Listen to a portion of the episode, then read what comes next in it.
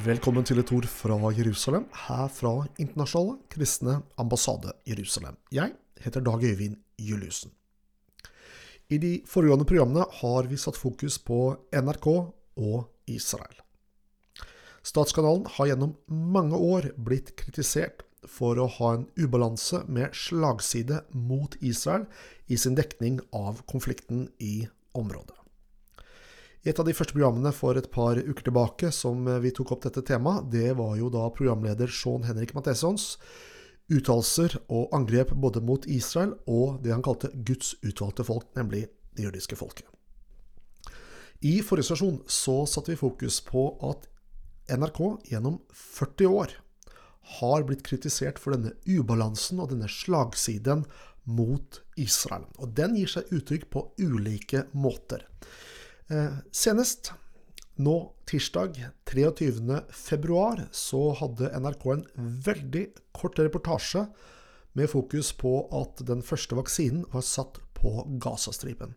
Og hør på denne 18 sekunder lange innslaget. Den første vaksina ble i går satt på Gazastripa. Hamas, som kontrollerer området, fikk 22 000 doser av den russiske vaksina Sputnik V. Israel, som ligger først i verden på vaksinering, har lenge blokkert innførselen til de to millionene som bor på Gaza.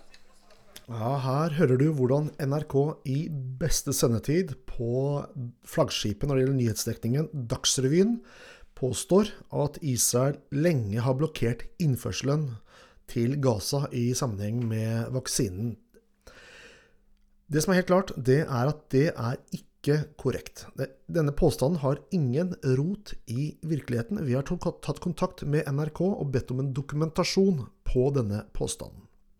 Saken er at uh, onsdag 17.2 så kom det 2000 doser fra, uh, inn til Gaza. To dager før dette så var det 2000 doser som kom fra Vestbredden, og som skulle til Gaza, og som ble stoppet av israelerne. Altså to dager før. Fordi man ikke hadde avklart prosedyrene rundt dette. Men at Israel har lenge blokkert innførselen til Gaza av denne vaksinen, det er en løgn. Og det føyer seg inn i et bilde hvor statskanalen stadig vekk demoniserer Israel.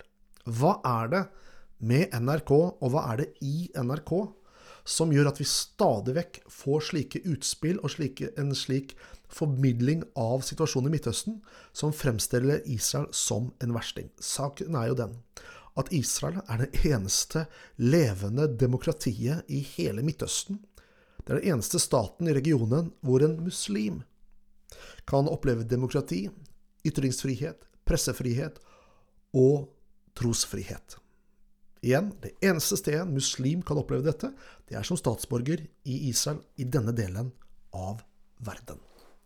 Når det er sagt, så kan vi også legge til at gjennom Oslo-avtalen, som tross alt er grunnlaget for PA, eller den palestinske selvstyremyndigheten, så er det helt klart at de er ansvarlig for medisinsk behandling og helse under dette området som de har kontroll over.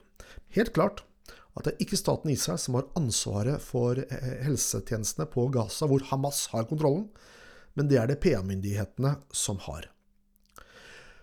Måten man da presenterer Israel på her, som å forsøke å blokkere eh, vaksineinnførselen til Gaza, kan ikke være noe annet enn et villet ønske om å demonisere Israel og fremstille dem verre enn det de er. Og slik kan vi ikke ha det på vår statskanal. Én ting er at statskanalen er finansiert av våre skattepenger. En annen side er at NRK er en allmennkringkaster. I det så ligger det at det fordres en særlig bredde og balanse i presentasjon av hva som skjer i samfunnet. Den balansen den virker fullstendig fraværende i NRK.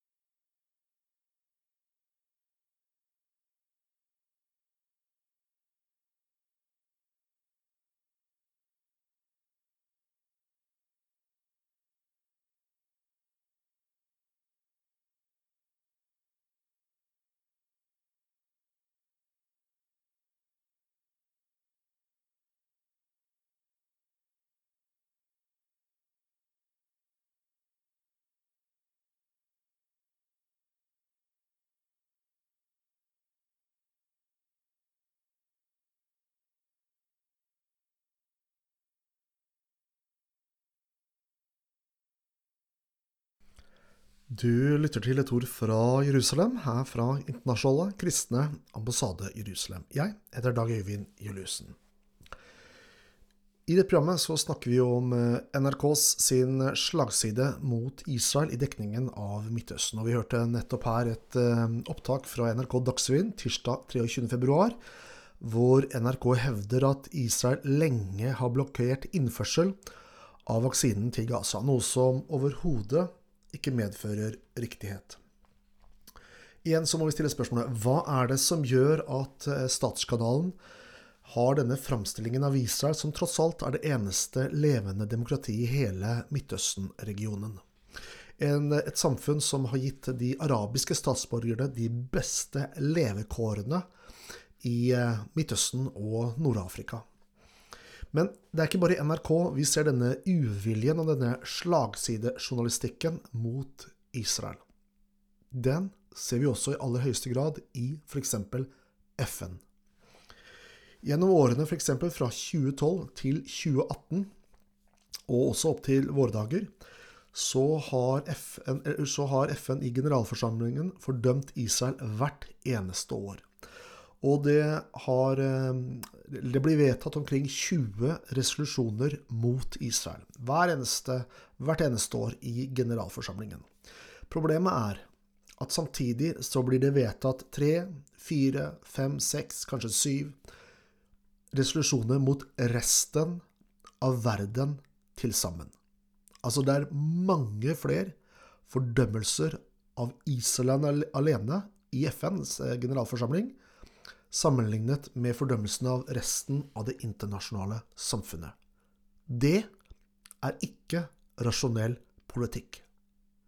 Det er noe helt annet. Det er rasisme.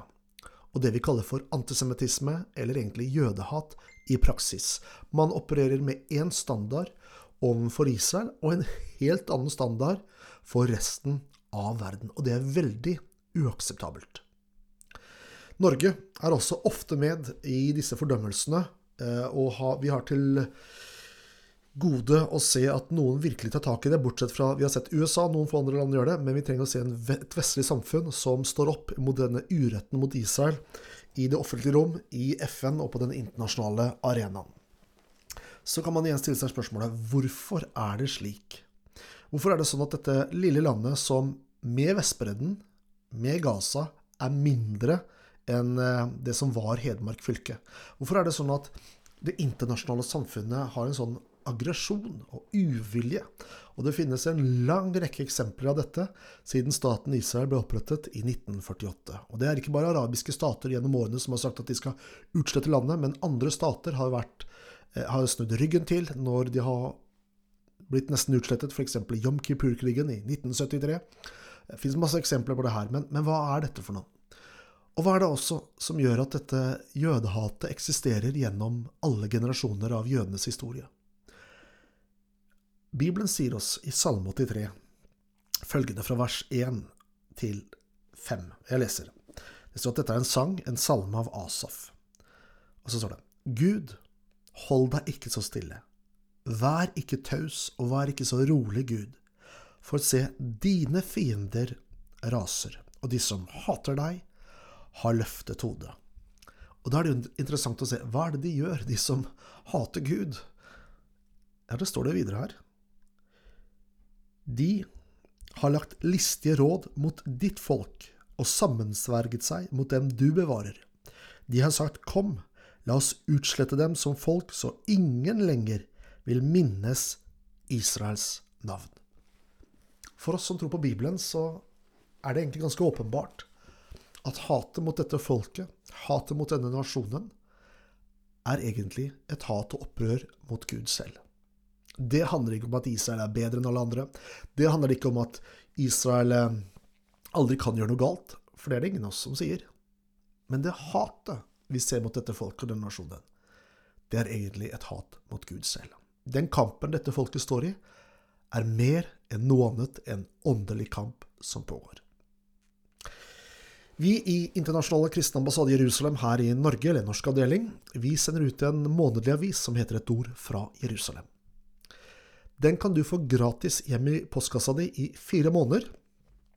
ved å sende en SMS med Jerusalem til 2030. Jeg gjentar, du kan sende en SMS med Jerusalem til 2030, og så vil du få fire utgaver av vår månedsavis, Et ord fra Jerusalem, gratis hjem i postkassa di. Du har lyttet til et ord fra Jerusalem, fra Internasjonale kristne ambassade Jerusalem.